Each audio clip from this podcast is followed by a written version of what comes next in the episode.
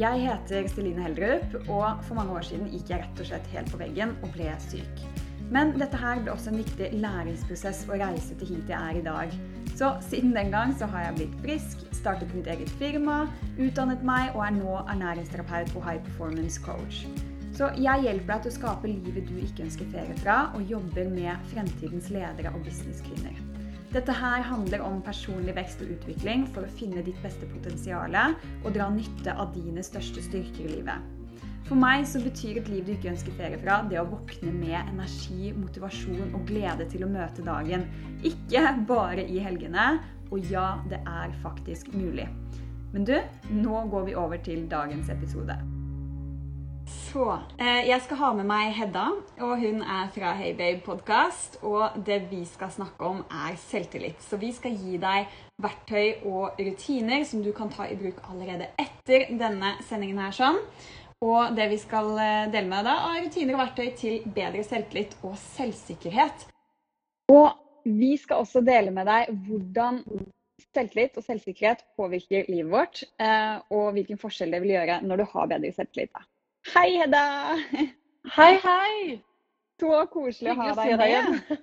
Ja, eh, Det vi skal snakke om, er jo da verktøy, og rutiner til bedre selvtillit. Vi skal fortelle hvilken forskjell selvtillit gjør i livet vårt, og rett og slett livet før og etter eh, selvtillit og selvsikkerhet. Så dette påvirker så mange aspekter i livet vårt, og det påvirker alle valg vi tar. Sånn at eh, det her er jo også viktig for å forstå um, hvorfor man skal jobbe med selvtillit, og hvordan vi skal komme oss videre.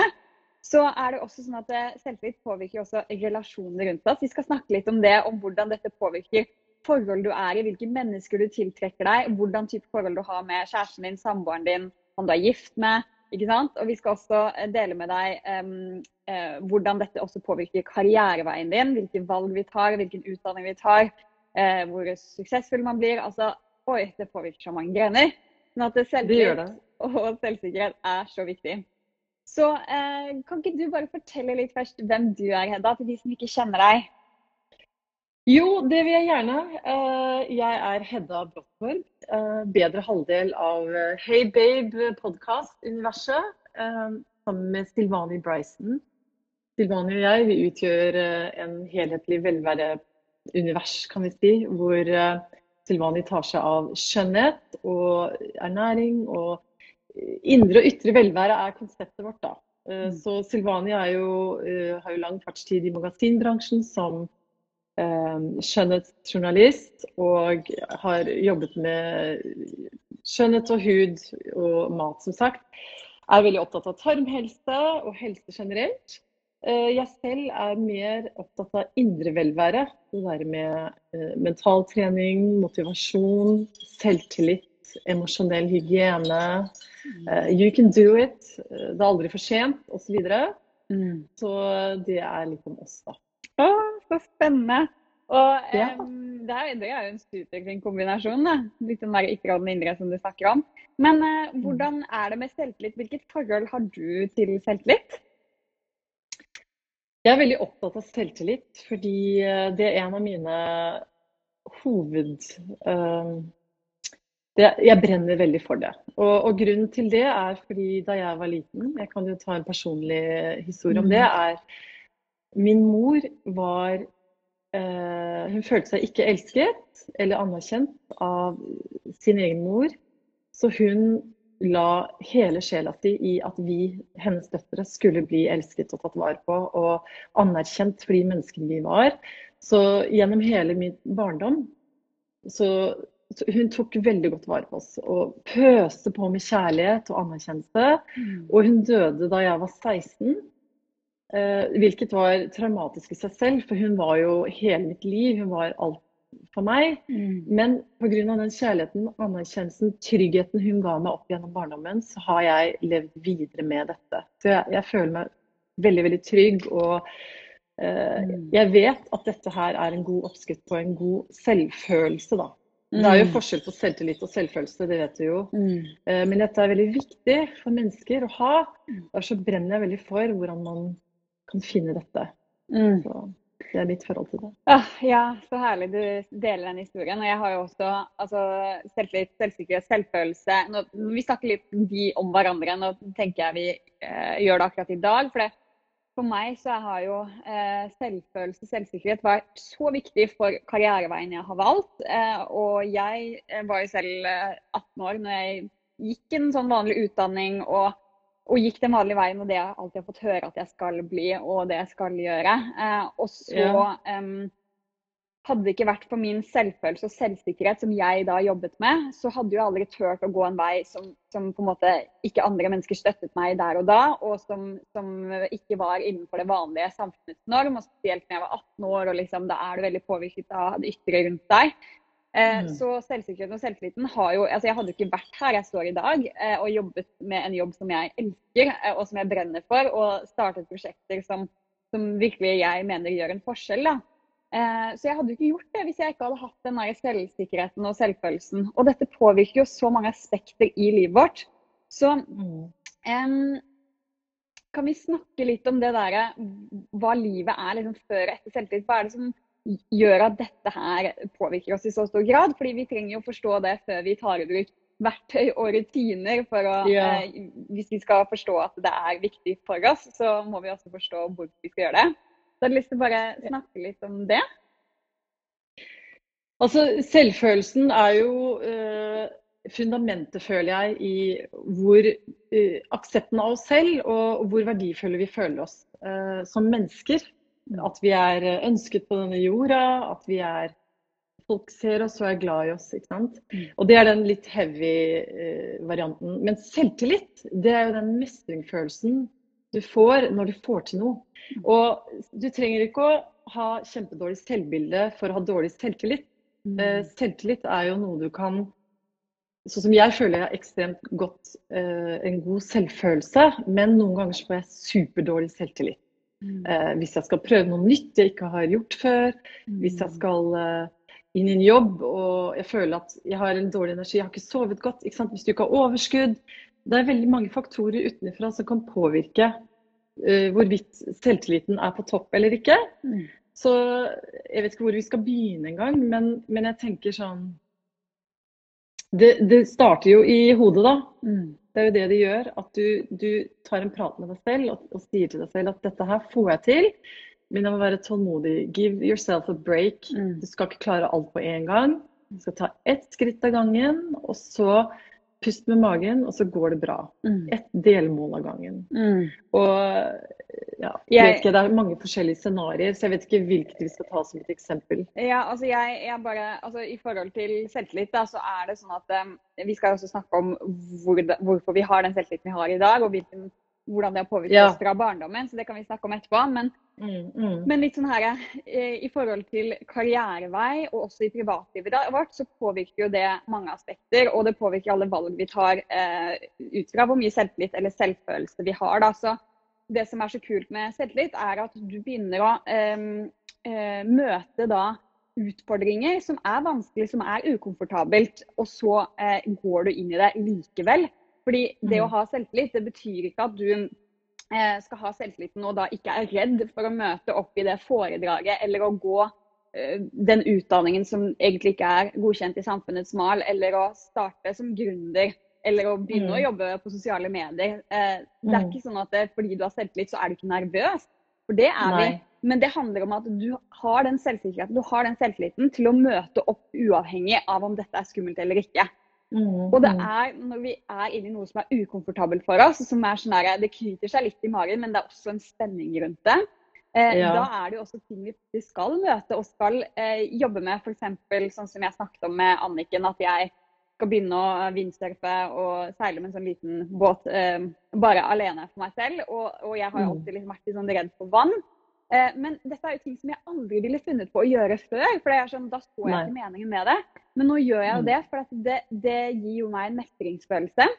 Eh, og ikke mm. bare det, men du trener opp hjernen din til å tørre å gå utenfor komfortsonen din og gjøre ting som er ukomfortabelt, og også gjennomføre det. Og da sitte igjen med den følelsen.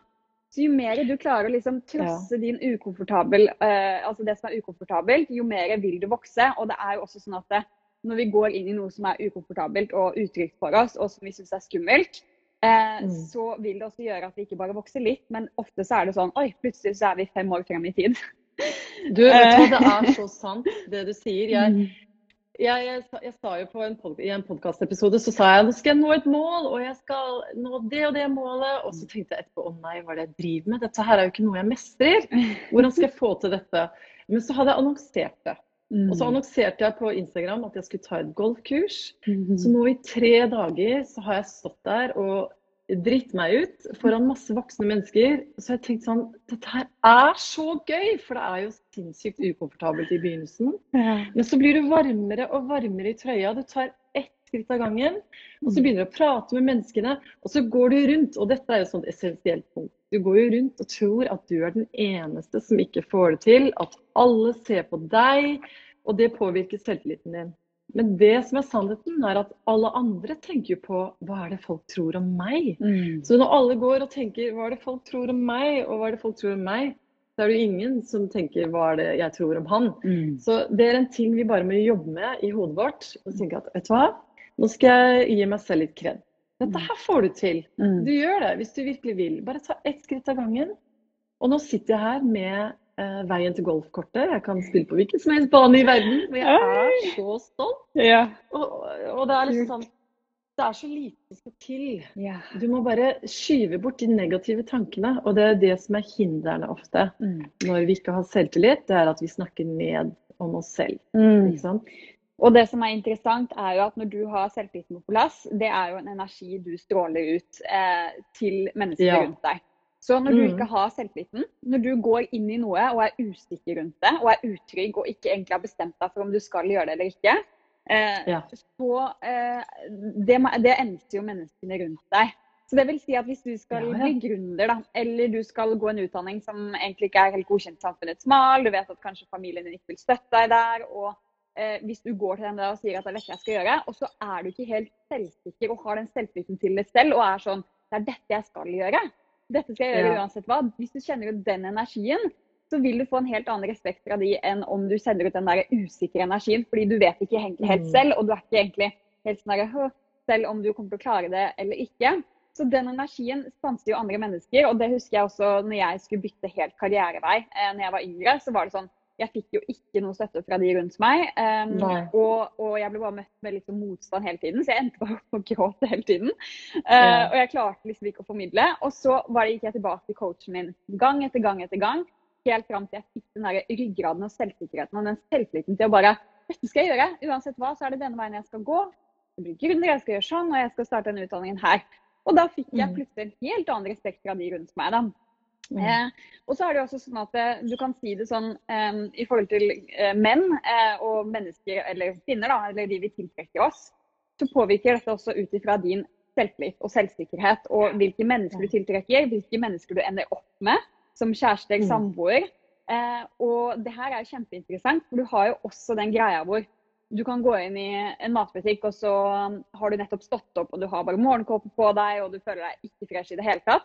Så du går egentlig litt sånn krummet og du ser ned i bakken, ikke sant? Ja, ja, ja. Um, men den selvtilliten der, som er så dårlig, den endte de rundt deg. Hvis du hadde gått ut fra den leiligheten din med ryggrad og selvsikkerhet og gått der i den morgenkåpen eller hva det skulle være, og gått inn i butikken når du ser det mennesket du kjenner, med en selvtillit, så, så er det faktisk sånn at uavhengig av om du tenker det eller ikke, så ser de gjennom det som er på utsiden her sånn. Ja. Og så stråler den gode energien din ut. De merker den selvtilliten din. Og da ser de ikke det som er her sånn. Um, men hvis du går inn og har dårlig selvtillit, så vil, de, mm. så vil de merke sånn Oi, nå så ikke hun så fresh ut. Eller nå hun hadde Folk blir redde. Ja, folk, folk redde. tør ikke å gå rundt deg. Ikke sant? Folk elsker gode energier og, og trygghet. Mm. Og det er jo det vi alle ønsker å ha i livet vårt. Vi ønsker alle å være trygge og solide og sterke og se alle rett inn i øynene. Hvis du er en person som gjør det, så smitter det over på andre. Og det er det jeg sier til eh, barna mine. Jeg sier vet du hva, det der med kropp og, og shaming og, og, og, dårlig selvtillit uh, hvordan du ser ut, glem det. Drit i det. vet du hva. Hvis du stråler ut at du er happy, du er morsom, Mm. du er kul, og du, er, du har masse kjærlighet til deg selv, Mm. Så, så kommer folk til deg og bare Å, den der, de der gode, positive vi- vibbene vil jeg også ha. Fordi det, det drypper jo over på andre, og så vil de ha det. Og så elsker de å være Mm. rundt deg. Og det er det som er viktig. Det er ikke hvordan om du har tykke armer eller bein eller tynne eller lang nese eller store ører. Det er den derre gode viben du sender ut, som smitter over på andre. Ja. Og det er jo selvtillit. Åh, det er så sant det du sier. Det er, eh, og det er, sånn, det er som jeg sier, at det, faktisk, tro det eller ei, så ser de gjennom utseendet da. Altså, det er ikke det Ja, som ja, ja. andre mennesker ser, egentlig. Og også med menn eller kvinner, eller du som ser på hvis du er alene eller i datinglivet eller whatever, så er det faktisk sånn at eh, ja, man kan si at det er det første de kanskje ser, altså legger merke til når man ser en person, men du, du, når du blir kjent med den personen, så er det det som er på innsiden, selvtilliten, den energien du stråler ut, og du vil bare automatisk tiltrekke deg, og venninner og sånne ting også. Du vil tiltrekke deg mennesker pga. din energi. Og den eneste man så Mm. fort noen kommer inn i et rom så det, Man Ja, ja, tenker gjør det. liksom at å, det er så mye på utsiden, men så er det ikke det. Så, eh, og så er det det andre veien med karriere. Eh, for det, det vet jeg du også har gått i kurs med det å ha intervjuer. Eh, jeg husker også når jeg, eh, før når jeg skulle søke vanlig jobb, så gikk jeg rundt Da ville jeg, på en, eh, da ville jeg starte i helsekost, husker jeg, mens jeg gikk ernæringsterapi, for det passa liksom inn i det. Og da husker jeg, da gikk jeg rundt og så på alle helsekostbutikker og, og skulle finne ut hvem som jeg trivdes best i. Så jeg gikk inn i disse helsekostene før jeg eh, sendte inn søknaden, og bare kjente på viben. Eh, og så var det sånn at det er én helsekost som bare Denne vil jeg jobbe med. Så det jeg Mm. gjorde var at jeg sendte ikke søknad til alle de andre. Jeg bare gikk hjem da, og så skrev jeg den Mm. søknaden til akkurat den helsekostbutikken. Mm. Og det var den jeg skulle ha, uansett hva. Eh, og det er den selvtilliten hvor du bare sånn derre jeg skal, ha det, jeg skal jobbe hos dere, uansett hva dere Ja. sier. Ja. Og så gikk jeg inn og leverte den søknaden, og eh, jeg fikk jo den jobben. Men hadde jeg, hadde jeg fått et nei, så hadde jeg ikke gitt meg.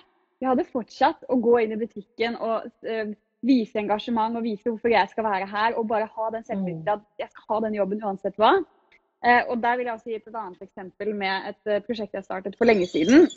Hvor jeg da ikke hadde noe budsjett på dette eh, prosjektet, og jeg hadde ikke noe nettverk rundt meg, og jeg var ikke på sosiale medier. Og jeg skulle ha med 17 influensere, og dette her også var jo sånn alle bare ha-ha. De visste ikke at jeg engang hadde en stemme og mening om ting og tang. Eh, Mm. Sånn at jeg måtte sitte i skjul og jobbe med dette når jeg var sånn 18-19 år. Eh, og, og da også var det den der selvsikkerheten med at jeg bare hadde bestemt meg for de 17 jentene, og uansett hva, så skulle de være med på prosjektet. Så jeg fikk jo Mm. masse nei av disse damene. Ja, Men jeg ga meg ikke før jeg fikk et ja. Men det høres ut som du, Det er to punkter her som du gjør veldig riktig. og Det ene er jo at du forbereder deg. Og når du forbereder deg og vet hva du ønsker, så, så vinner du Da får du en helhetlig oversikt over situasjonen. Og så har du jo satt målene dine. Og du kanskje når de eh, delmål for delmål. fordi man må ikke gape for stort heller. For hvis fallhøyden Mm. blir for høy, så mister man motet. Hvis du klarer de små delmålene underveis, og når det store målet sakte, men sikkert, så ser du at det funker. Mm. Og da får du kjempegod selvtillit av deg selv. Og at ja, men herregud, dette her går jo veien. Mm. Og ofte så tror vi at veien er vanskeligere enn det den er. Mm. Det er det som er så morsomt. Det var jo ikke så vanskelig å få til det målet. Det Mm. var jo egentlig bare å ha troa på meg selv. Og det er jo det som skal til da, for å få den selvtilliten. Men når du da tør å gå ut av komfortsonen, dypper de føttene i det iskalde vannet og litt, litt lenger ned nå, litt lenger ned, så får du det til. Mm. Og det er jo egentlig ganske enkelt, men vi sitter her med de der dumme, negative tankene Yeah. Så vi bare må bli kvitt. Vi må snu det. Mm. Jeg må bare avbryte episoden et lite sekund og dele med deg noen av mine toppfavoritter fra arnica.no. Dette her er helsekostbutikken på nett, og også mitt samarbeid her. Så Plant4 Synergy proteinpulver, dette er faktisk det eneste proteinpulveret jeg bruker, og som jeg går god for. Fordi denne er av god kvalitet, og som ser ut til å være lett opptakelig i kroppen.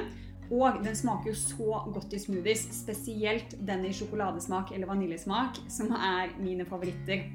Noen andre favoritter fra Arnica er MCT-olje, som jeg bruker i kaffen hver morgen. Den metter litt ekstra og gir en rask energi.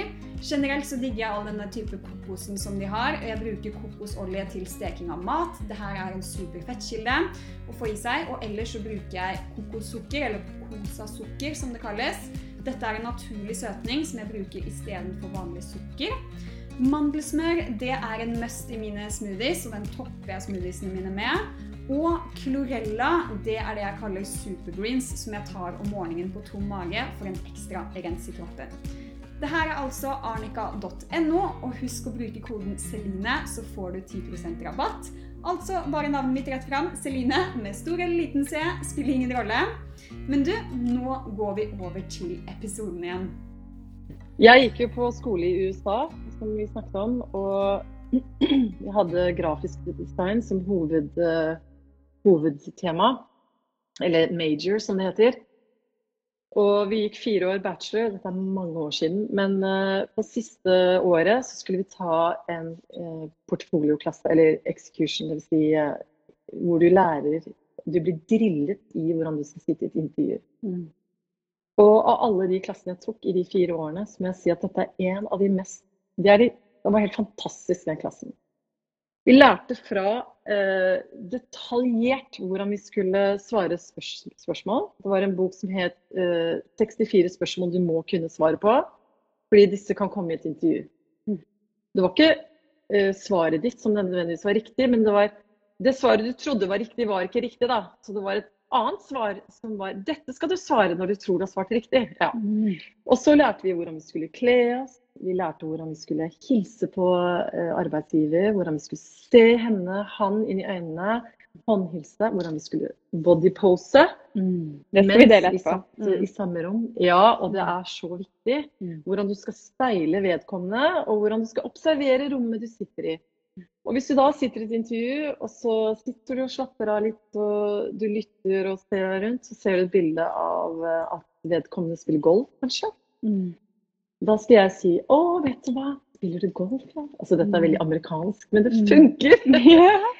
Spiller, spiller, du golf, ja? Mm. Jeg tok uh, veien til golfkurs i forrige uke. Mm. Å, gjør du det? Og så har dere noe til felles. ikke sant? Mm. Og det her må jo være uh, ærlig og hjertelig. altså Du skal ikke mm. fake og late som du er glad i å spille golf. Uh, det må jo være oppriktig.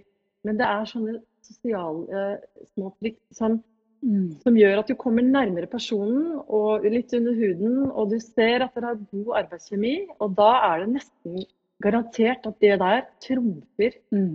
eh, karakterene dine, merittene dine. Yes. Fordi personlighet og selvtillit, det er så viktig. Mm. Det der at du kan vise den personen Vet du hva?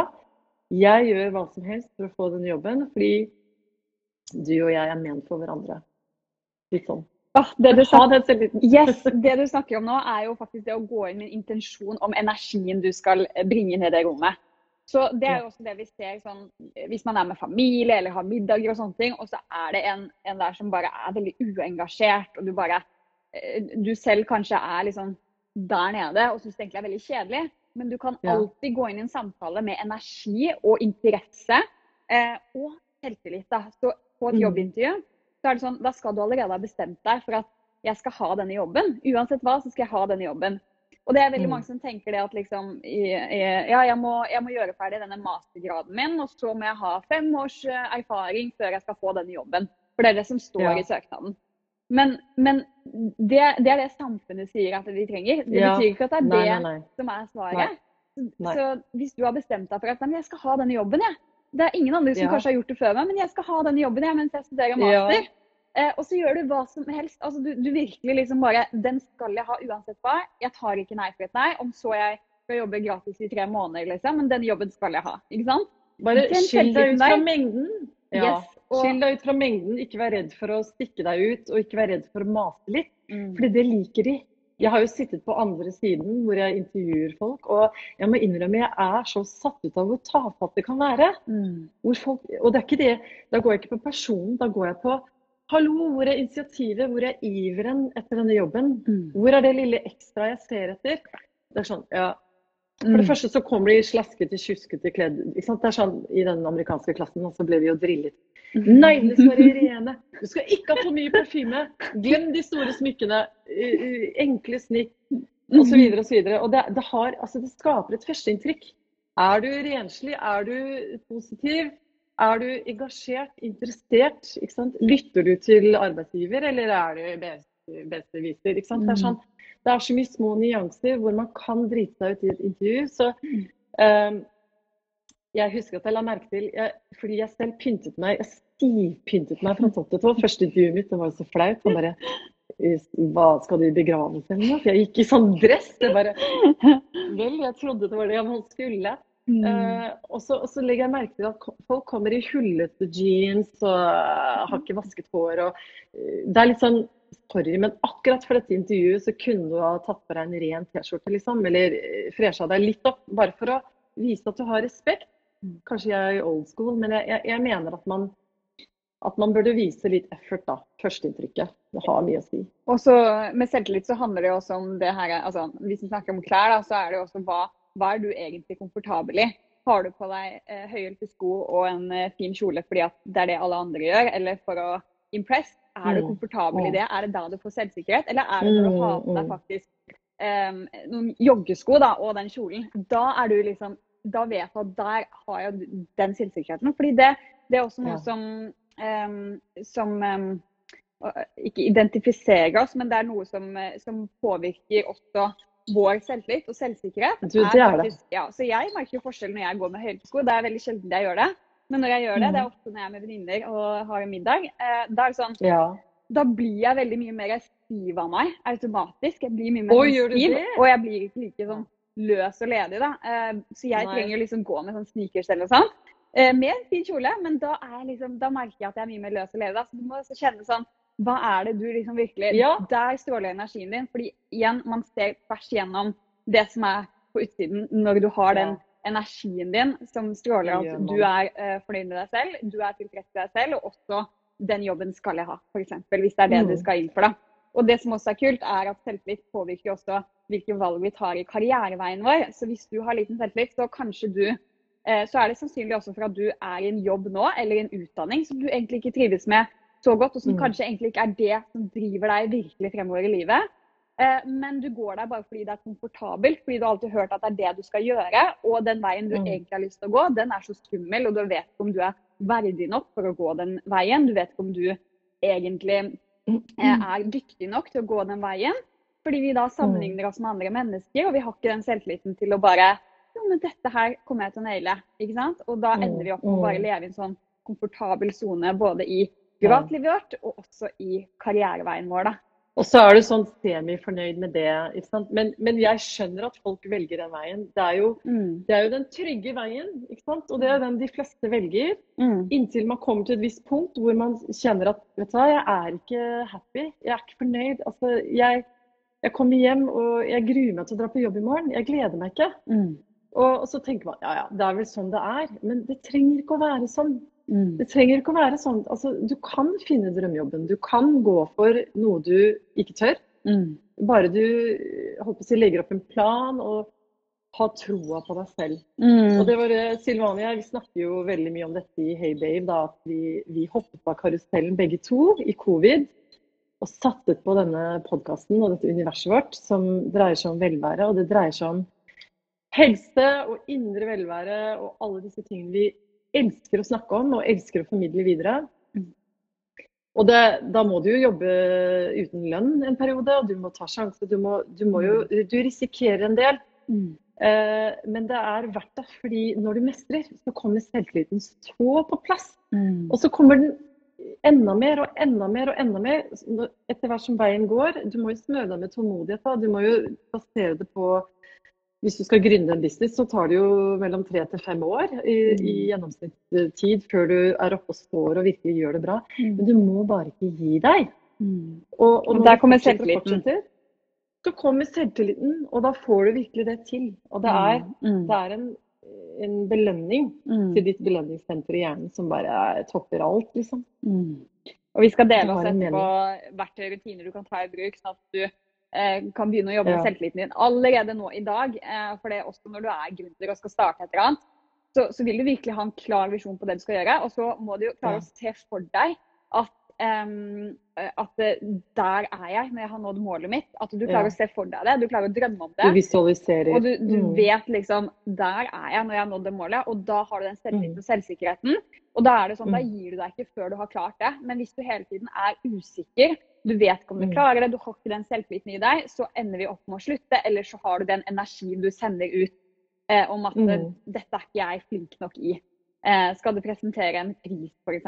på et eller annet eh, du selger, så er det sånn Det påvirker jo alt. Liksom. Hvis du ikke har selvtillit rundt det og mener at det er verdt den prisen du snakker om, så vil mm. også det, eh, de andre stanse det rundt deg. Da. Og da, da, vil de også tenke at det er for dyrt. Eh, mens andre ganger kan det være noe som er egentlig en kjempehøy pris, men du snakker på en måte som er selvsikker rundt det, og at dette her mm. er det det koster, og det er, det, det er verdt så mye mer enn det også.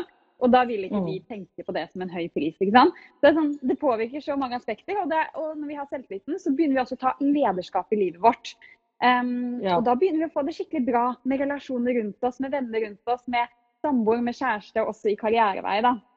Så mm. jeg bare lurer, uh, for det, det snakket vi, vi to litt om i går, Hedda. Det her med hva, hvordan er det uh, selvtillit oppstår? Fordi vi snakket litt om at det kan komme fra tidlig barndom. År. ja, jeg var jo litt inne på det i starten. med at uh, Dessverre, altså i hvert fall selv, ditt eget selvbilde, da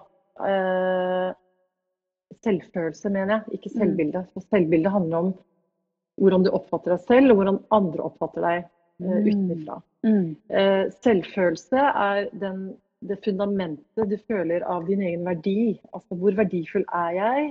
Elsker, uh, elsker de meg? Elsker jeg meg? Mm. Og det er den viktigste følelsen som også er knyttet til selvtillit. Og den oppstår fra våre tidlige barneår. sånn type mellom 7 og 12, tror jeg det sies Eh, jeg er ingen ekspert på, skjønt jeg sagt på dette her. Jeg er mer på den uh, mentaltreningen. Men, mm.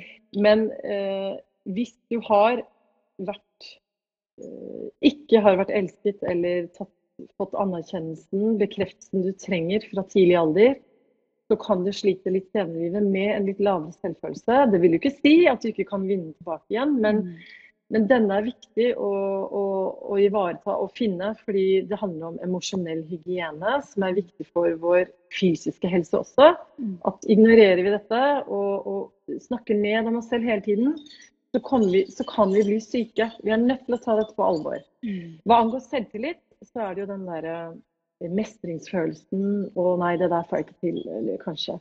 Så hvis det er det det handler om i dag, så, så er det jo masse triks vi kan uh, snakke om. Men også om uh, selvfølelsen. Mm. Og, og, den selvfølelsen som veldig mange, spesielt uh, flinke piker-syndromet jenter sitter med, mm. som er kjempeviktig å ta tak i. Og det er et problem der ute. Mm. Folk, folk, sliter med at de er de, de, anerkjenner ikke seg selv, elsker seg, mm. ikke seg selv, ikke har ikke den gode følelsen. Mm. Uh, og her er det jo et, et, uh, en teknikk som handler om uh, det der å gi seg selv affirmasjoner. Mm, det kan vi ta etterpå. Eller, det kan vi ta etterpå, ja. ja for det, det er ja. de verktøyene vi går inn på straks. Men, det er de verktøyene vi går inn på. Yes, for dette, Det du snakker om nå, er jo rett og slett at barneårene våre, altså foreldrene våre bl.a., er med på å påvirke vår selvtillit og um, selvfølelse, nei, selvbilde. Selvfølelse? Ja. ja, selvfølelsen. Det setter standard for selvfølelsen resten av livet som voksen. Yes. Når vi blir voksne, så kommer selvfølelsen som følge av hva vi fikk av det vi trengte i barndommen. Mm. Og uh, det er jo der disse hypnoseterapeutene kommer inn i bildet. hvor du, du, kanskje du, har ikke den, du går med uro, du går med angst, mm. du har det ikke bra. Mm. Og så går du og oppsøker hjelp, og da går de inn i faktisk mm. ned i underbevisstheten din. Det er disse hypnoseterapeutene. Og da kan de fiske ut mm. hva som er årsaken til dette. Mm. For, det, eh. for det, det, er både, og Der kommer jo også people pleasingen. det der at Hvis du hele tiden, hvis du er veldig dårlig på å sette grenser og si nei mm. til andre mennesker f.eks., og du hele tiden føler at du, altså du flyter egentlig litt med i hverdagen i det som mm. skjer. så Hvis noen kommer og spør kan hjelpe meg med det, eller sånn og sånn, og barna dine og mannen din og venner og bare eh, alltid skal ha noe av deg, og du bare flyter med i de planene som måtte dukke opp. Eh, det er også sånn people pleasing som ofte kommer, kan komme fra barndommen, da, eh, ser vi. Sånn at, mm. og, og, det å liksom aldri føle at man er bra nok på de områdene med foreldrene, og alltid må bevise noe for å få kjærlighet til seg selv og for ja, å føle seg bra. Så Det er et ja. mønster man også kan endre. Og så er det jo det andre, dette her med ytre påvirkninger fra mm. eh, sosiale medier, fra vennene våre. Fra liksom ja, ja. alt fra at man skal gå med fine klær, til hvordan man skal se ut, til eh, kroppen sin, eh, til hvordan man skal OK, du har de som kanskje du har vokst opp kanskje med at de, de jentene i uh, gruppen din som snakker høyest, og som lager mest lyd, og som danser på bordet, er de som får oppmerksomhet. OK, så da er det det jeg må gjøre da, for å få oppmerksomhet. Mm. ikke sant? Så det, det, er sånn, det, er mange ting som påvirker. Og så er det jo også det her med at vi sammenligner oss med, med det som skjer på sosiale medier eh, og andre mennesker. OK, hun har masse ja. venner, for det er jo ting vi ser nå i dag som ikke så før. fordi nå deler vi jo ting på sosiale medier, og da klarer vi å se også hva andre gjør i livene sine. Mm. Og da viser vi også den mm. beste siden. Da. Så da tenker man OK, hun får venner sånn, hun har masse flere venner enn meg, og så begynner vi å sammenligne oss, og hun har mye finere kropp enn meg. Eh, og der begynner selvtilliten også å gå nedover.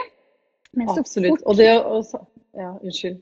altså, ja, så fort vi da klarer å ha det bra med oss selv og bli tilfreds med det mm. som er her på innsiden, og kjenne på den gode energien og at vi har det bra. altså en, jeg liker ikke å si lykke, da, men en lykkefølelse. Den derre jeg, jeg, er fornøyd med meg selv mm. eh, tilfreds. og tilfreds med meg selv. Ja. Da klarer vi også å beskytte oss fra det som skjer rundt. Så uavhengig da om mm. Ser noen toppmodeller som har den fine kroppen og de menneskene som er sånn og sånn, så, så vil du likevel klare å beskytte deg fra det. da.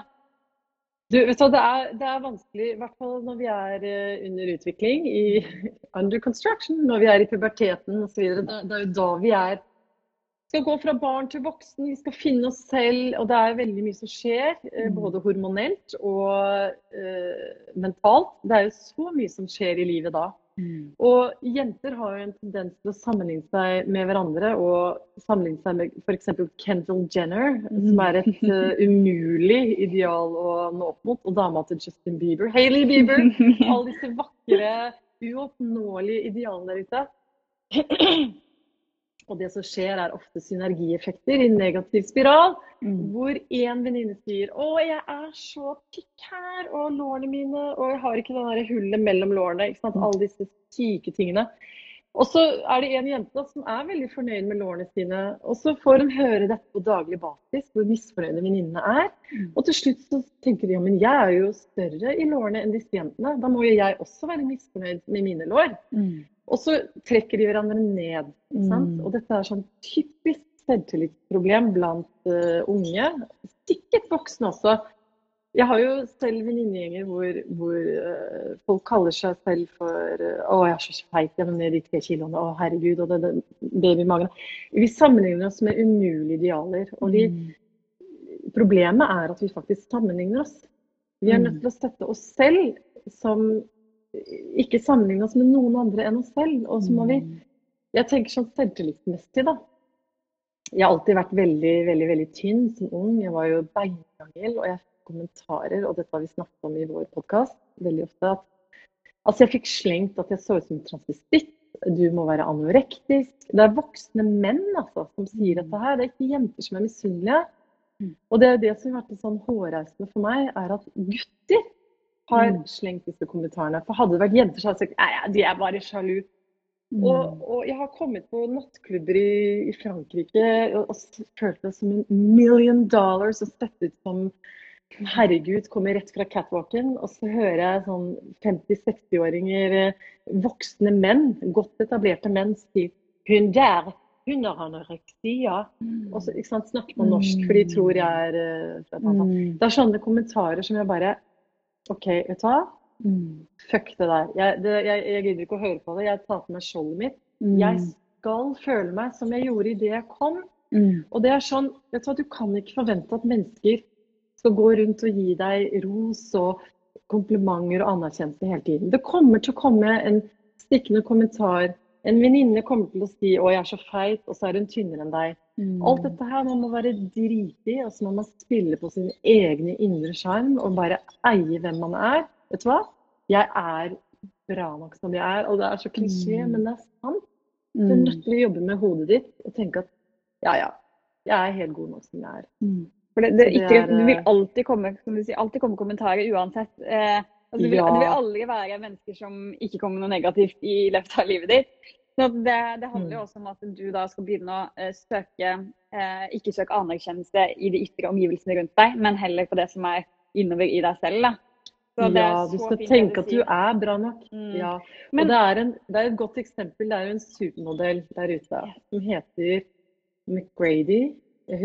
Hunter McGrady heter hun. Hun var syltynn. Hun var i størrelse 32 i alle år og smellvakker og fikk jobber. Men så etter hvert så begynte disse modellagentene å kommentere ja, du er litt for stor for denne modellen, du er litt for stor for denne bikinien. Og, og det gikk jo utover selvtilliten hennes i ett eneste kjør, for hun gjorde ikke annet enn å slanke seg. Hun var jo ikke naturlig 32, det er det jo veldig få som er. Eh, det som skjedde var at hun jo, mistet jo selvfølelsen sin, og selvtilliten fikk seg en stupeknekk eh, mer etter mer.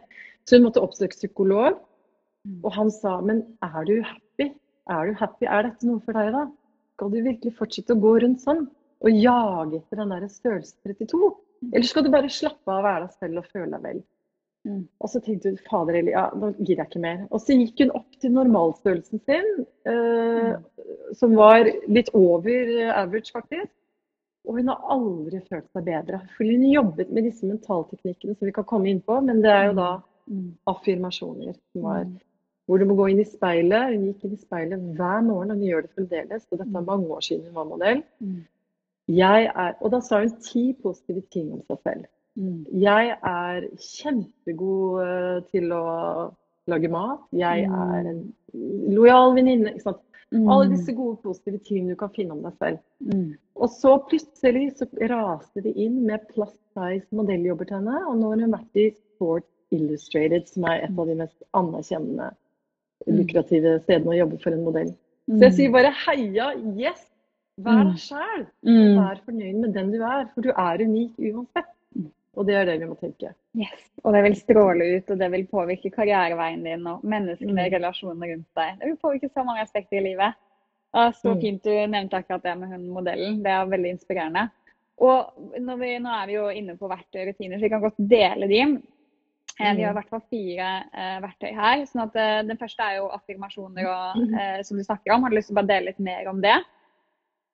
Ja, det er jo det at du Altså, hvis du har en, Dette er mer for den uh, selvfølelsen enn selvtilliten. For selvtillit det er jo noe du får ved å utfordre grensene dine mer. Men selvfølelsen er hvis du føler at du er tykk eller tynn, eller noen, at du ikke er uh, pen nok, eller uh, at du ikke er, noen ser deg, at ikke noen elsker deg. Det er disse mer alvorlige følelsene som skal være på plass for at du skal ha det godt inni deg da må du jobbe hjernen din til å forstå at du er faktisk elsket. Du er viktig for andre mennesker rundt deg. Du er nødvendig på denne planeten.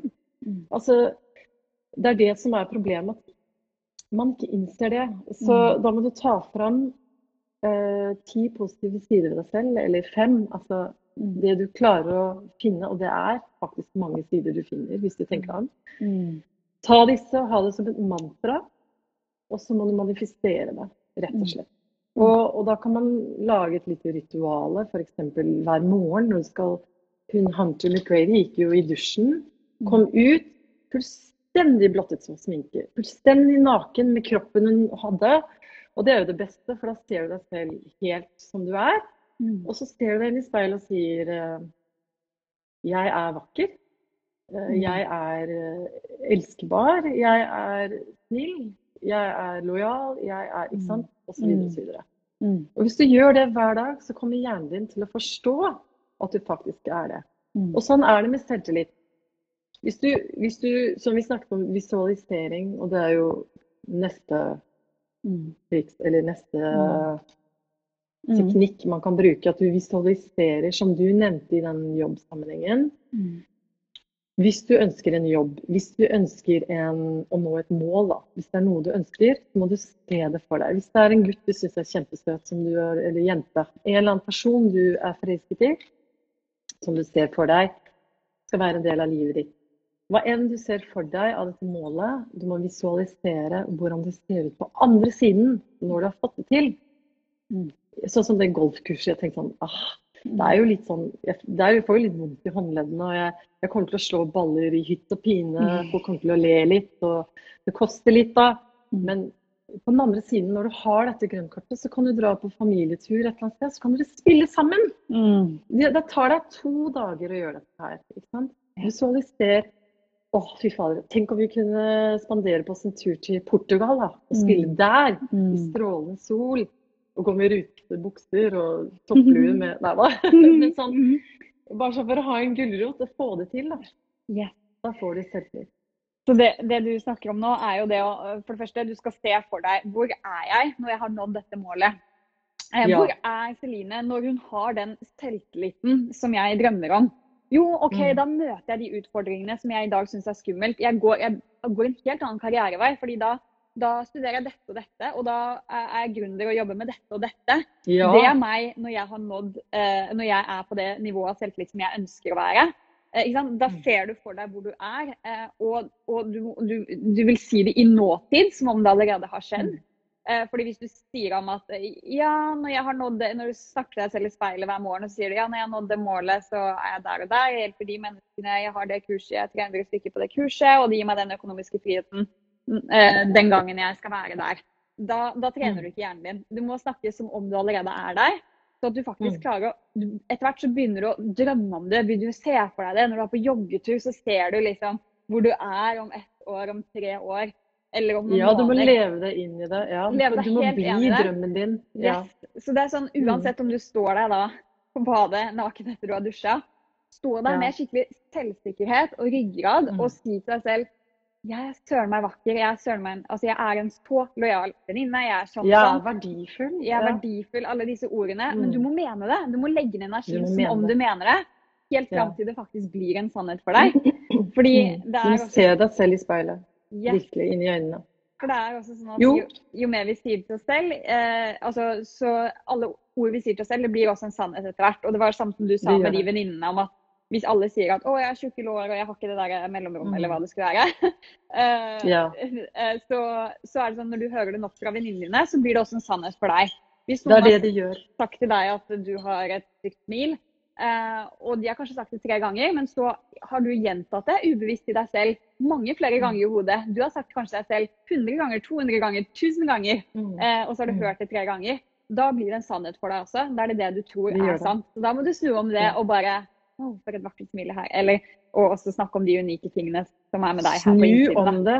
Mm. Jeg fikk, høre, jeg fikk høre av en random eh, hjemløs fyr på Venice Beach at jeg hadde froskebein. altså, og det har jeg faktisk. Men det og, og jeg kunne liksom Det er jo så sjokkerende. Altså, Hey, where did you get those frog legs? Det var første gang jeg turte å gå med shorts på stranden uh, etter så mange år med komplekser. Og jeg bare Fy fader, din drittsekk, og du ødelegger selvtilliten min her og nå? Nei, vet du det finner jeg meg ikke i. Nå skal jeg i hvert fall gå med shorts. Og det, jeg skjønner godt at det er vanskelig. Det er veldig vanskelig å si til seg selv du har vakre legger. De er, de er ikke så frostete. Når du ser deg selv i speilet, og du ser at de omtrent er grønne, liksom. Mm. så, så jeg har jobbet hardt, hardt, hardt. Det har vært en av mine største komplekser. har vært disse froskebena. Og jeg går med shorts, og jeg, jeg tenker sånn OK, hvis jeg smører inn med litt selvbryning, da, så ser det ikke så froskete ut, kanskje. Og så ser jeg, når jeg går rundt med de bena nå, det er jo ikke en kjeft som ser på de. Det er jo ingen som Mm. bryr seg om mine ben. Mm. Det er bare oppi mitt hode. Det er sånn, du må bare gå forbi de hindrene. Press gjennom de der barrikadene. Gå med shorts hvis du Mm. føler at bena dine er stygge. Bare gå med det masse. Mm. Til slutt så tenker du ikke over at du har froskebein. Mm. Det er jo ingen andre som legger merke til det. Mm. Og så si sånn- tre ord fritt hver morgen i speilet om de der Ja. bena dine. Uh, Ja. Som er positivt. Et eller annet. For det, det er jo også det er som du sier, at ja, det er jo ingen som ser på de bena mine. Men når vi har et kompleks på utsiden eller på innsiden med oss selv, at vi ikke føler oss bra nok, at vi ikke er smarte nok, det kan også være en Mm. greie. Vi føler at å ja, men alle andre er smartere enn oss, og hvis jeg Mm. kommer med en mening om noe, og noen andre har en mening om det, så er det den meningen som er riktig. Ikke sant? Mm. Um, det som er litt interessant, er at vi blir hva vi tror selv. Så at De menneskene rundt deg vil også sanse akkurat dette. Hvis du ikke tror du er smart, og du tenker at du er dum og du, de andre er mye smartere enn deg, og eh, de vil alltid eh, klare å gå den veien, men du kan ikke gå den veien i karrierevei, for dette, du er ikke smart nok, f.eks. Det er en energi Mm. som de andre sanser, og da vil du også i deres øyne bli mindre klok, bli mer Du blir den menneske. dumme klovnen i Yes. gjengen. Det er det du blir, fordi du selv gjør deg til det. Uh, og så ikke gjør deg til den dumme klovnen i gjengen. Mm. Er- hvis du føler at du er litt dummere enn de andre, gå og les en bok. Gå, forbered deg. Jeg er sånn som kan, jeg er veldig spontan. Jeg kan ikke si noe dumt og litt sånn, og le av meg sjæl og være klovnen, men jeg syns jo det er litt gøy å være klovnen. Mm. Men jeg vil ikke bli tatt for å være dum for det. Mm. Eh, så da må man kompensere litt, og da kan jeg være veldig dyktig i noe annet. da, Som bare OK, respekt. Så det er litt sånn Du er nødt til å ta ansvaret for deg selv Mm. også, da. Mm. Eh, Hvis du føler at du er dum, så må du gjøre noe med det. For da betyr det at du fremstår som dum selv, fordi du tenker det. Må, for det første så må du snu tankene om at OK, jeg er ikke dum, jeg er kanskje litt bedagelig anlagt og ikke lest så mye som de andre. Mm. Men det kan jeg gjøre noe med hvis dette plager meg. Mm. Så kan jeg jo gjøre noe med det. Mm. Så man må liksom ikke gjøre seg selv til et offer heller. Mm. Eh, var det disse jentene mine hele tiden sier? Mamma, ikke vær sånn pick me mom. Altså, jeg vet ikke om du har hørt om det begrepet. Mm. Ikke vær sånn å, stakkars meg, eller pick me, pick me. Det er sånne begrep som ungdommen sier da. Mm. Og det er sånn, du har helt rett.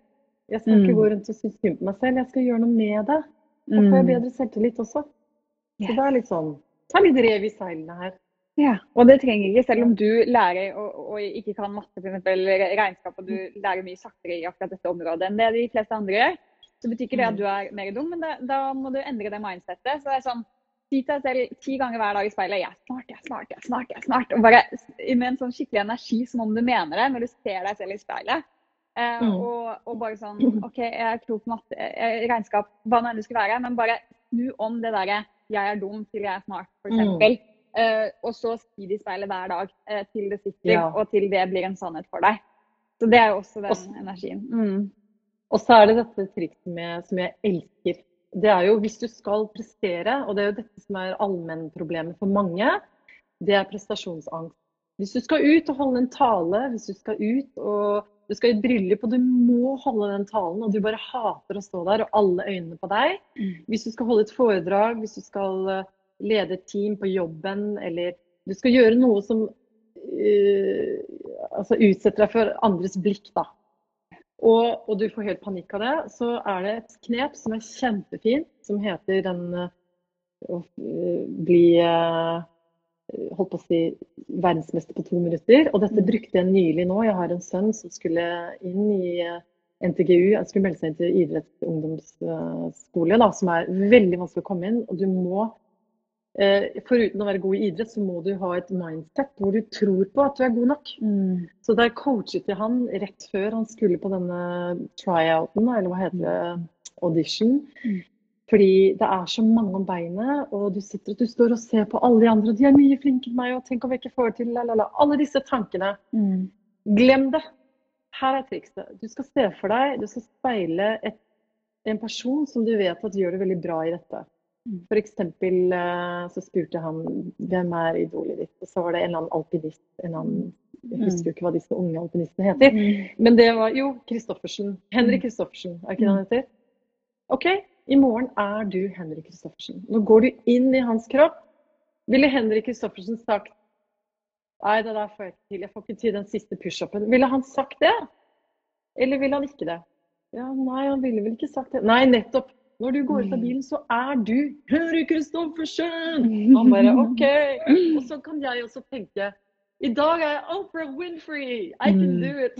Mm. Det er liksom sånn, Du må bare gå inn i den i to minutter og forestille at du er den personen. Mm. Og speile den personen. Og dette er sånn klassisk coach-knep. Mm. Og så plutselig så kjenner du hvis du er den, så blir du den. Og så blir, så blir du oppfattet som den Mm. av andre. Mm. Så, så nå virker jeg, nå fremstår jeg som jeg supergod selvtillit.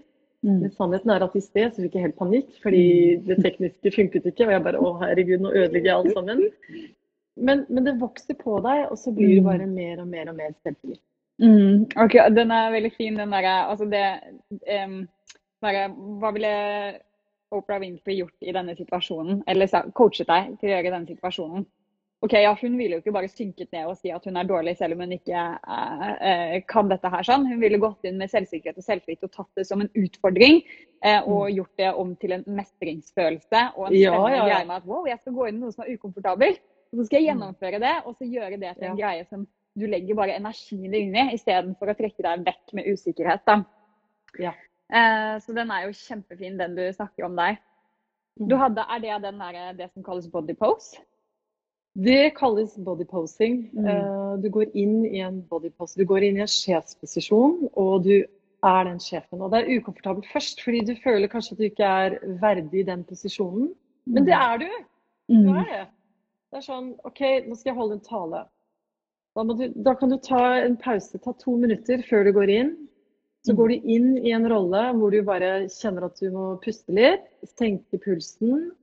You can do it. Du, det her går veldig bra. Nå skal du være Det er en som heter Tony Robbins, som er sånn supercoach. Han går ut på scenen hele tiden. Ei i salen. I dag skal jeg være Tony Robbins. Nå går jeg ut der. Mm. Kjære brudepar. Og så må du bare Og så merker du at du, ja, du kommer i flowen, og folk ser og lytter og Mm. smiler litt. Og, og, og hvis de ikke smiler, så ikke tenk på det, fordi de har nok med å konsentrere seg om hva du sier. eller hva enn.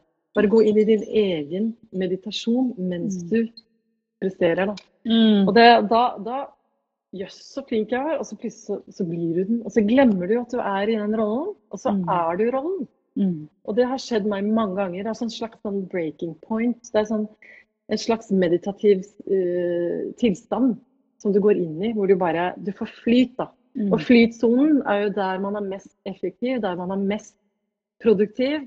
Og det er den flytsonen som er den optimale eh, tilstanden å være i for å, være, for å føle at du presterer, og for at selvtilliten skal komme. Så det er eh, Veldig bra. Og en annen ting du kan gjøre også, eh, om det ikke er et forbilde av deg, så kan du også se for deg der du er eh, når jeg har nådd det målet. Jo, når jeg er gründer og har med alle disse her eh, menneskene og gjør den forskjellen for de og tjener de pengene eller hva det skal være. Når jeg er der hvor jeg har nådd dette målet, hva ville den versjonen av meg coachet meg til å gjøre i dag? Hva ville hun sagt til meg her jeg står her og nå? Mm. Ikke sant? mm, hvilke valg ville jeg tatt når jeg har nådd det målet, når jeg er der hvor jeg ønsker å komme? Mm. da. Eh, og det husker jeg også når jeg skulle starte å coache, så visste jeg at en av mine styrker, eller når jeg har fått til ting før og gjort prosjekter med suksess, så har det vært når jeg har hoppet inn i noe før jeg er klar. Og det har ikke vært når jeg har bare sittet om å pirke og pirke og pirke, og så blir du aldri, man blir jo aldri klar, ikke sant? mm. Eh, så Nei, jeg nei. husker at eh, jeg hadde jo liksom litt praksis eh, i coachingen eh, når jeg studerte det, men etterpå så ville jeg også coache liksom familie og venner og gjøre dette her gratis. Men Mm. det gjorde jo bare at jeg kom meg ikke fremover, og jeg hadde ikke den energien rundt coachingen, for dette, de var jo ikke investert i det heller. Sånn at jeg Mm. fant ut at herlighet, hvordan er det jeg har hatt suksess før? Jo, det har vært når jeg har hoppet i det før jeg er klar. Mm. OK, eh, så okay, jeg skal bare begynne med kunder, da. Og så skal jeg bare ta den, den prisen jeg mener at det er verdt. Eh, Jeg mener at det er verdt dobbelt av den prisen jeg har tatt. Eh, Og da er det den prisen jeg skal gjøre nå de første gangene. Og så må jeg bare hoppe i det og så eh, coache meg som, som om jeg har allerede gjort dette her en million ganger før. ikke sant? Og yeah. er den beste på dette. Så det som skjedde var at jeg skulle ha de første timene, og jeg hadde liksom booket faktisk en hel uke eh, med coaching. Og jeg bare husker jeg var så nervøs, for jeg hadde ikke gjort det før. og Jeg skulle gjøre det via Zoom i tillegg. Og jeg bare sånn Herlighet, nå, nå skal de liksom betale meg for dette, og tenke om jeg ikke klarer det, osv. Så, videre. så jeg satt jo der alltid første, siste, første halvtimen før jeg skulle gå eh, og coache disse kundene. Så satt jeg der eh, den halvtimen før og satt og sa til meg selv, og satt jeg med ryggrad, og så er jeg sånn her jeg har allerede coachet han og han og han. Altså jeg, er, eh, eh, jeg, jeg snakket som om jeg allerede har gjort alle de tingene som jeg ønsker å oppnå. Um, Mm. jeg, har vært, eh, altså jeg har coachet så mange mennesker, jeg har gjort den forskjellen for de em, i, eh, i livet deres. Og jeg har vært på de foredragene og gjort, uh, snakket foran de menneskene. ikke sant? Og jeg snakket Mm. som om jeg allerede har vært der. Jeg bare, jeg er Norges beste coach, jeg er Norges beste coach. Bla, bla. Det som, Ja, ja, som der jeg ønsket å være. da. Og jeg satt Ja. der med ryggrad og fortalte som om Og da gikk jeg i den energien om at jeg har gjort dette her. Og liksom virkelig Mm. liksom mente det for meg selv, selv om jeg ikke har gjort det. Og så Mm. sa jeg liksom til meg selv at så det her er bare barnemat i forhold. Det her Ja, er bare ja. barnemat i forhold. Eh, ikke sant? Dette er jo mennesker som til og med kjenner meg, og som har fulgt meg lenge. Og dette her ikke sant? Mm. barnemat i forhold. Eh, og så når Ja. jeg da kom på coaching-sessionene, og også første coaching-time jeg hadde altså Det gikk så bra. De fikk virkelig en sånn enorm forskjell og bare snudde livet på hodet etter første coaching-time. Og det er sånn, det Mm. hadde aldri skjedd. Det vet jeg med sikkerhet at det hadde ikke skjedd hvis ikke jeg hadde sittet den siste første halvtimen før jeg gikk på, og sa Mm. det her til meg selv. Og bare Mm. Celine, dette er barnemat i forhold. Jeg har kanskje de og de og de. Dette her går bra, liksom. Jo, men det er, det er den uh, bodyposen du gikk inn i, på en måte. Den, eller den visualiseringen. Mm. Og jeg tenker at det vi glemmer, er at jeg kan også tenke sånn Ja, men tenk om det jeg sier ikke Men det vi glemmer, er at andre mennesker som ikke jobber med det vi gjør, andre mennesker som ikke studerer det vi gjør, eller Mm. vet det vi gjør, de vet jo ikke. Mm. Og, og du gir dem så mye. Ikke Mm. sant? Så man må ikke undervurdere den kunnskapen man sitter på. Og dette Mm. gjelder jo alle yrker. Så det er jo Mm. litt sånn Det er så dumt at vi tenker sånn at vi ikke får det til. For det gjør vi. Ikke Yes. sant? Og den selvsikkerheten og selvtilliten rundt det gjør at vi enten vil lytte til det du sier og synes at det du sier er klokt, eller de kan Mm. tenke at hm, det her var jo veldig rart, og du blir møtt med veldig mye motstand hele tiden. Fordi du, egentlig, Mm. du har ikke den selvsikkerheten rundt det selv heller.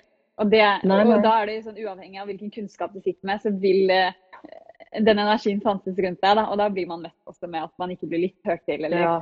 Uh, ja. Nei, men du må, virke, du må jo virke stø i det du driver med. Og de, de, de stoler jo på deg 100% De kommer til Mm. deg for råd og tips. og Klarer du ikke å levere, så føler vi at det ikke er penga verdt. Da. Så du må jo på en måte eie at du er coachen her. Det er Yes. ingen andre. Ah, så bra. Så, ja. Og så er det noen eh, eh, to til rutiner eller verktøy som er kjempefine, eh, syns jeg. Og det ene er Mm. sånn derre Tenk på det her er å skrive ned. Eh, skriv ned er det noen du ikke er ærlig mot. Eh, enten deg selv eller mennesker rundt deg som du bare ikke er ærlig mot. Du, du viser ikke hele deg til dem. De vet egentlig ikke hvem du er. Eller du er Mm. ikke ærlig mot deg selv om hvem du er. Og hvor Du er ikke ærlig mot deg selv. Mm, Ja.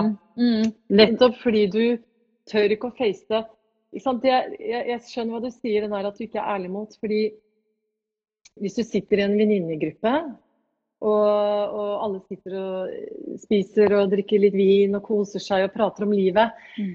så, så er det alltid en eller to venninner eller en eller annen venninne som, som ja, hører om alle andres liv, men aldri deler av sitt eget. Fordi det er vanskelig. Og det, det, det skjønner jeg, det, det kan være vanskelig. Det er ikke alle som har den evnen til å åpne seg.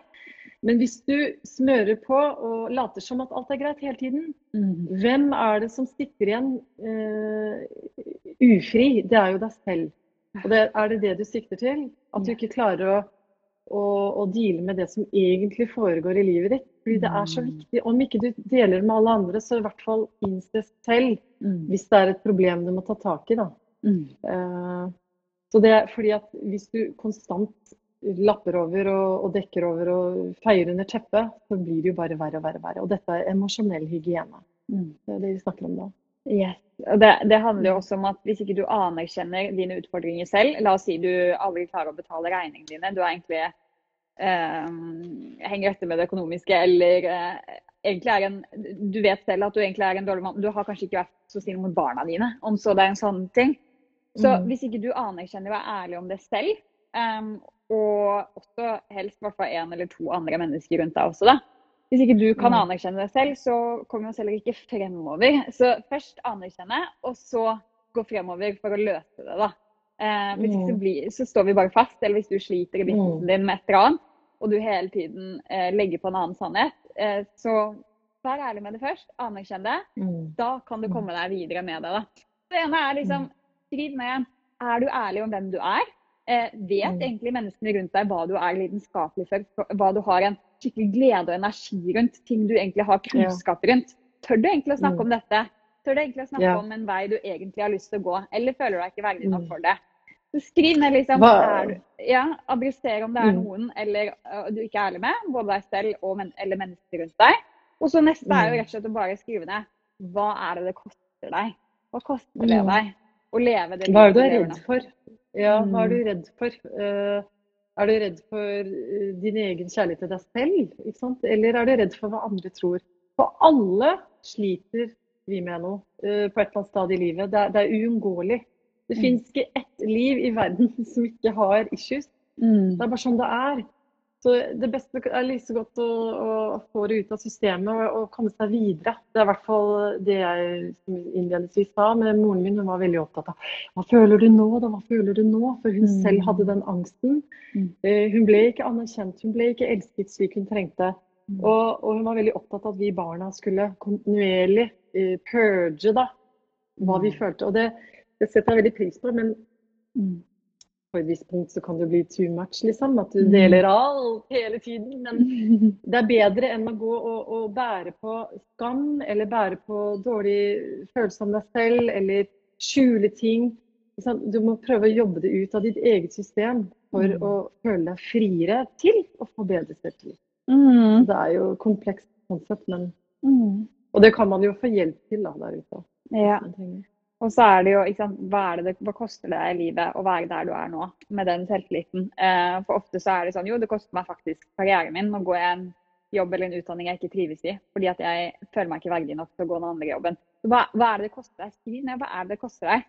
Um, Mm. Og det som er interessant da, er at du ser at livet ditt ville vært helt annerledes om du bare har selvtilliten i deg selv til å gå den veien, eh, og begynner å jobbe Mm. med selvsikkerheten din også. Så em, den neste er jo da, hvis du var enda mer selvsikker, eh, eller enda mer selvtillit litt om hverandre, syns jeg. Um, hva ville du stoppet å gjøre nå? Skriv ned hva vil du stoppet å gjøre nå, og hva vil du startet å gjøre akkurat nå? Og det kan du endre akkurat her og nå. Det er sånn, Mm. Skriv ned hva vil du stoppe å gjøre akkurat nå? Jo, jeg ville stoppet å si det til meg selv. Jeg ville stoppe å eh, agere, eh, reagere på eh, andres kommentarer om meg. Altså, hva vil du stoppe å gjøre akkurat nå, og hva vil du starte å Mm. gjøre? Jo, jeg vil faktisk ja, jeg skal gå den utdanningen, jeg skal gjøre den jobben, eller eh, jeg skal møte denne, dette mennesket som jeg egentlig Mm. er veldig inspirert av, men jeg føler meg ikke verdig nok for å ha det vennskapet, f.eks. Ikke sant? Det, det er sånn Skriv det ned. Så det vi Første har bud er jo å slutte å snakke ned om seg selv. mm, Det er første bud. Og snu hjernetankene på at dette klarer jeg. Jeg klarer det hvis jeg vil. Det er sånn basics. Og det er vi litt dårlige på å si til oss selv som voksne. Jeg tror Mm. kanskje barn er flinkere Ja. når de skal lære å sykle, eller hvis de skal lære et eller annet. Litt sånn Pippi Langstrømpe. Ja, jeg klarer det. Mm. Det, er så, det er så deilig, liksom. Ja, det gjør du! Altså, Mm. Smitt litt over på meg, jeg. Altså, så det er litt sånn, Vi må bli flinkere til å være litt Pippi Langstrømpe. At uh, det der har jeg ikke prøvd, så det vil jeg prøve, og det vil jeg klare, og det klarer jeg. Litt Mm. der. Yes. Skruppelløst. Kjempekult. Og da kom mestringsfølelsen også. Så Ja. det, vi, det du sa nå, altså verktøyene. Vi har fire verktøy her som du kan begynne Ja. å bruke med en gang. Det ene Mhm. er jo den du sier med, eh, med affirmasjoner. OK? Ja. Hver gang du står opp om morgenen, uh, si ti ord til deg selv, og si det i nåtid som om de allerede har skjedd, og som om de allerede er en sannhet. Gjerne i Mhm. speilet når du står helt uh, naken eller ufiltrert, eller hva det skulle være. Og nummer to er bodyposten. Det å se Mhm. for seg OK, hva ville um, Oprah Winfrey eller ditt forbilde eh, gjort i denne situasjonen? Hva ville hun coachet meg til å gjøre i denne situasjonen? Når du står på det lille Mm. selv, eh, dårlige selvbildet. Eller da, hva ville jeg gjort når jeg har nådd det Mm. målet, når jeg er der fremme som jeg ønsker å være? Hva ville jeg coachet meg Mm. å gjøre her sånn? Hvilke valg ville jeg tatt da? Mm. OK, Mm. greit.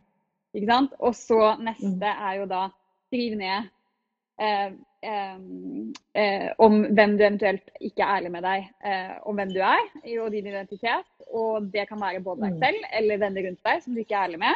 Og neste er jo da skrivende ned hva er det det koster meg i livet eh, å Ja. være der. Og så neste, eh, det er nummer fire. Det er da hvis du var enda mer selvsikker, hva ville du stoppet å gjøre nå? Hva ville du startet å gjøre akkurat nå? Det er fire ting, da. Eh, De fire tingene. yes. Og så må du tenke hele tiden, det er veldig viktig. Alle andre rundt deg tenker hva andre tenker om seg. Mm. Så du må slutte å tenke på hva andre tenker om deg. Mm. Fokuser på deg selv, hva du tenker om deg. Og tenk positivt. Mm. Enkelt og greit. Ja. Enkelt og greit. Det er også lettere når man har de verktøyene å gjennomføre. Det er jo det. Mm. Det er jo det. Hmm. Er det noe mer nå som vi ikke har gått gjennom som du tenker er viktig å få med her? Og jeg kunne prate om dette her i hele dag, jeg, fordi vi har ikke engang snakket om eh, dating og relasjoner og attraction. Mm. Law of attraction og partner og sånn. Mm. Du kan bruke alle disse knepene i de sammenhengene også. Yes. Og så kan du bruke tre sekunders blikket hvis du skal ha en dame eller mann på kroken. Det er også en sånn selvtillitsteknikk som er veldig fin. Nei, det er, det, det er jo liksom, I disse tider så er det jo ikke så lett uh, under covid og Tinder og Mm. å få oppmerksomheten til uh, en du kanskje syns er søt. Da. Så da, Silvania, vi har jo et triks som uh, jeg faktisk fortalte en venninne som giftet seg med den personen hun gjorde på. Mm. Og Silvania har også uh, praktisert denne teknikken. Og det er hvis du ser en person du syns er eh, søt, så titter du på vedkommende i tre sekunder inn i øynene og smiler litt og snur deg bort. OK, det liker jeg. Jeg lover deg, og da, Ok, det skal jeg får prøve. du personen på kroken. Fordi du stråler ut en selvtillit som er veldig sånn jøss. Hmm, Mm. interesting. Og så er det, jo, det er jo litt sånn pinlig hvis du ikke er interessert i Du må jo være interessert i personen, for det faktisk det funker Mm, ja. veldig ofte. Ja, herlighet. Og så er det jo også det å legge inn energien om å være interessert i et annet menneske. Og bare sånn, Jeg har lyst til å Mm. lære meg mer om dette mennesket. Det er også, Ja. det er også en type selvtillit. Det, det å gå inn med en sånn energi, med engasjement, da, som du har rundt deg. Absolutt. Ja. Men dette her er bare hvis personen står på avstand, altså. Vi snakker Ja. sånn hvis du ikke kjenner vedkommende. Så er det første inngangsgreie. uh, Og så har du jo den derre Vi har en episode om hvordan du skal uh, bli forelska sånn, men det har jo ikke noe med selvtillit å gjøre. Men det er jo det er sånn, det er masse triks man kan lære av her, altså. Så det, Ja, så gøy. det er gøy. Herlighet. Um, det er eh, Ja, Silvani sier her, så ikke misbruk tresekundeblikket. Det funker litt for bra. Vær Ah, forsiktig. veldig. Ja, Ja. veldig gøy. Eh, OK, er det noe mer vi eh, må ha med her på slutten? Eller jeg tror vi har gått gjennom det viktigste. Vi har nok gått gjennom det viktigste. Det kan jo bli mye å tenke på også, så Mm. fint å ta en ting av gangen, kanskje. Mm. Mm.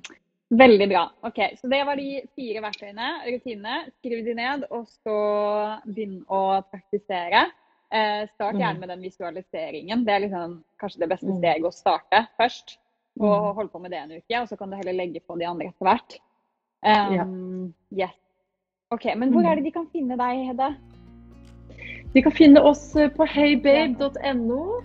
Eh, eller på Spotify, iTunes og for guds skyld Instagram. Da heter vi heybabepodkast med K, altså i podkast. Eh, og vi er, vi er egentlig litt her og der overalt. Mm. Så Facebook selvfølgelig. Ja. Herlig. Åh, men tusen Ja. takk for at du var med, og takk for alt du delte. Det har vært superherlig. Vi tenkte å få en sånn selvtillitsboost nå. I sommer Ja, og også. tusen Mm. takk for at du fikk komme. Det var kjempegøy. Veldig hyggelig å treffe deg også. I like måte. Så håper vi ses igjen. Ja, det gjør vi. vet du. OK, ja, men du, da prater vi videre. Ha en superfin onsdag videre, alle sammen. Og så er det veldig koselig med alle meldingene vi har fått her, så jeg har lest alle sammen. Veldig hyggelig. Så uh, yeah. nyt solen. Det er så fint vær nå. Takk for nå. Ja. God sommer. Ha det bra. Ønsker du mer inspirasjon, guider og verktøy, så gå til selineheldrup.no. Der finner du alt du trenger.